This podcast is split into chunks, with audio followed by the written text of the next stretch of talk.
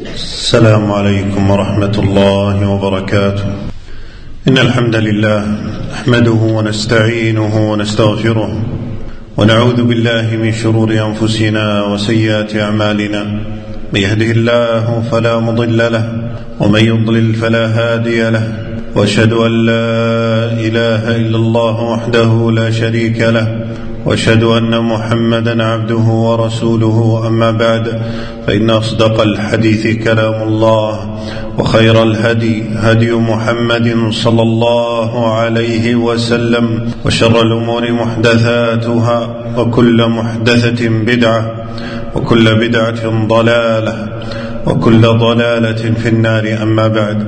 عباد الله لقد خص الله تعالى هذه الأمة بيوم الجمعة فهدى خير الأمم إلى خير الأيام.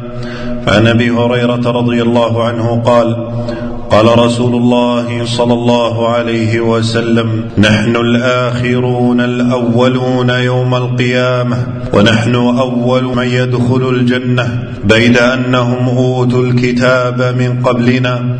واوتيناه من بعدهم فاختلفوا فهدانا الله لما اختلفوا فيه من الحق فهذا يومهم الذي اختلفوا فيه هدانا الله له قال يوم الجمعه فاليوم لنا وغدا لليهود وبعد غد للنصارى متفق عليه فهو يوم مبارك فيه خلق الله أول البشر وفيه نهايتهم. فعن أبي هريرة رضي الله عنه أن النبي صلى الله عليه وسلم قال خير يوم طلعت عليه الشمس يوم الجمعة فيه خلق آدم وفيه أدخل الجنة وفيه أخرج منها ولا تقوم الساعة إلا في يوم الجمعة. رواه مسلم هو يوم تكفر فيه السيئات. فعن أبي هريرة رضي الله عنه أن رسول الله صلى الله عليه وسلم كان يقول الصلوات الخمس والجمعة إلى الجمعة. ورمضان إلى رمضان مكفرات ما بينهن إذا اجتنب الكبائر. رواه مسلم. وهو يوم تجاب فيه الدعوات. يقول فيها النبي صلى الله عليه وسلم فيه ساعة لا يوافقها عبد مسلم وهو قائم يصلي. يسأل الله تعالى شيئا إلا أعطاه إياه وأشار بيده يقللها. متفق عليه. عباد الله من خصائص هذا اليوم صلاة الجمعة التي نجتمع لها كل أسبوع. فقد جعل الله فيها الأجور الكثيرة بأعمال يسيرة وأثنى الله على أهلها. حين تركوا تجارتهم ولهوهم وانشغلوا بطاعة ربهم فحري بالمسلم أن يعرف واجباتها ويتعلم مستحباتها ويجتنب الأخطاء التي يقع المسلم فيها قال ابن القيم رحمه الله تعالى وكان من هديه صلى الله عليه وسلم تعظيم هذا اليوم وتشريفه وتخصيصه بعبادات يختص بها عن غيره فمن أحكامها عباد الله الاغتسال لها ولبس أجمل الثياب والتطيب وتنظيف الفم بالسواك وإذا دخل المسجد صلى وجلس حيث انتهى به الصف. لا يفرق بين اثنين ولا يتخطى رقاب الناس ويسن له أن يصلي ما شاء الله له ركعتين ركعتين إلى أن يبدأ الإمام بالخطبة. فعن سلمان رضي الله عنه قال قال النبي صلى الله عليه وسلم لا يغتسل رجل يوم الجمعة.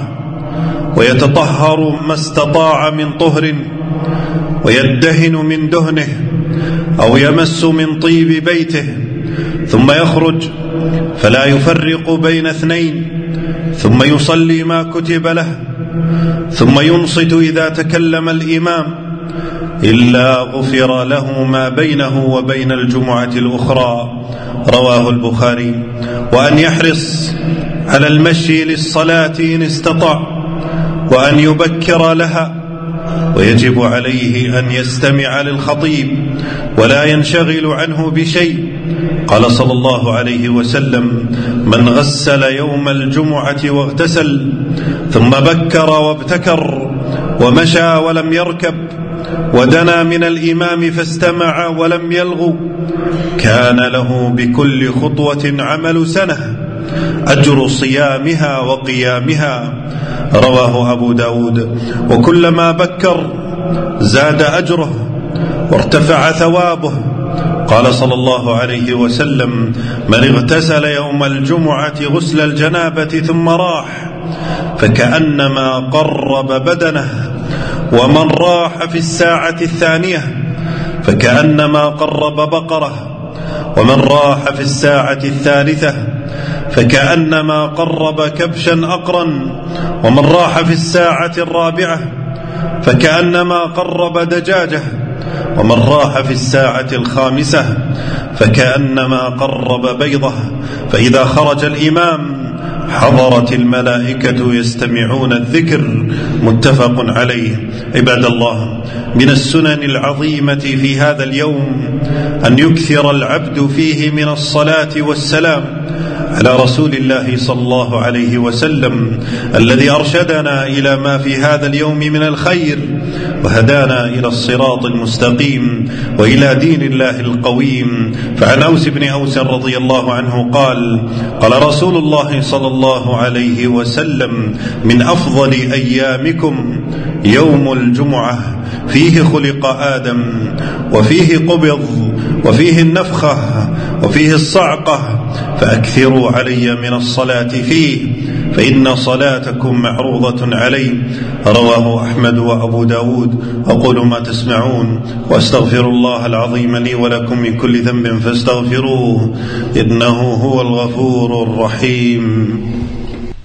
الحمد لله والصلاة والسلام على رسول الله وعلى آله وصحبه ومن اتبع هداه أما بعد أوصيكم ونفسي بتقوى الله فمن اتقى الله وقاه ونصره وكفاه عباد الله فمع هذه الفضائل الكثيرة والأجور الوفيرة يحرم بعض الناس نفسه منها فيكون من الغافلين ويلهيه الشيطان فيكون من الخاسرين فمنهم من يقضي ليلة الجمعة سهرا ولهوا فتفوته صلاة الفجر ثم صلاة الجمعة فيختم الله على قلبه ومن ختم على قلبه خاب وخسر فقد قال صلى الله عليه وسلم لينتهين أقوام عن ودعهم الجمعات أي تركهم الصلاة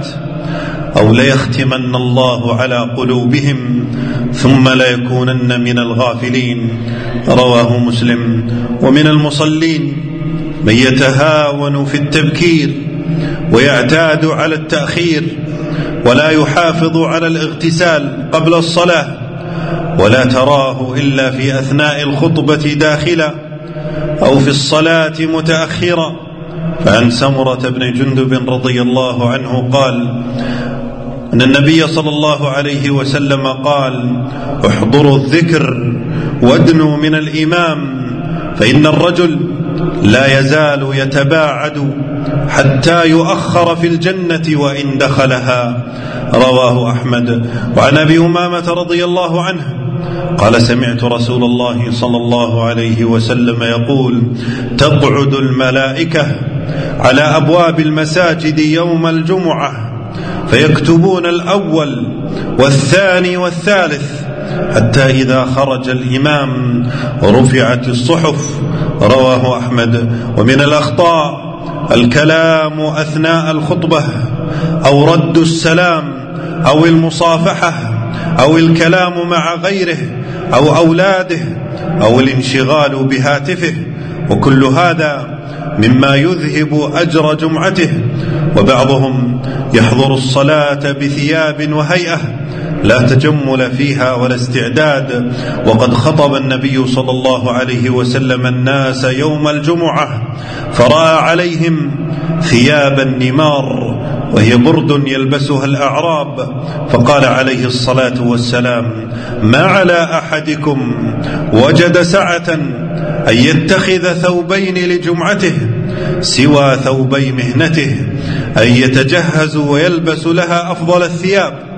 رواه ابن حبان. ومن الأخطاء أن يقف المسلم إذا دخل المسجد والمؤذن يؤذن بعد سلام الخطيب. ينتظر انتهاء المؤذن الصحيح أن عليه أن يبادر لصلاة ركعتين ليدرك سماع خطبة الإمام فإن استماع الخطبة واجب فتفقهوا عباد الله في دينكم وارفعوا الجهل عن أنفسكم واحرصوا على طاعة ربكم. اللهم إنا نسألك العفو والعافية في الدنيا والآخرة. ربنا آتنا في الدنيا حسنة وفي الآخرة حسنة. وقنا عذاب النار. اللهم اغفر للمؤمنين والمؤمنات والمسلمين والمسلمات الأحياء منهم والأموات. ربنا اغفر لنا ولوالدينا وصلى الله وسلم وبارك على نبينا محمد.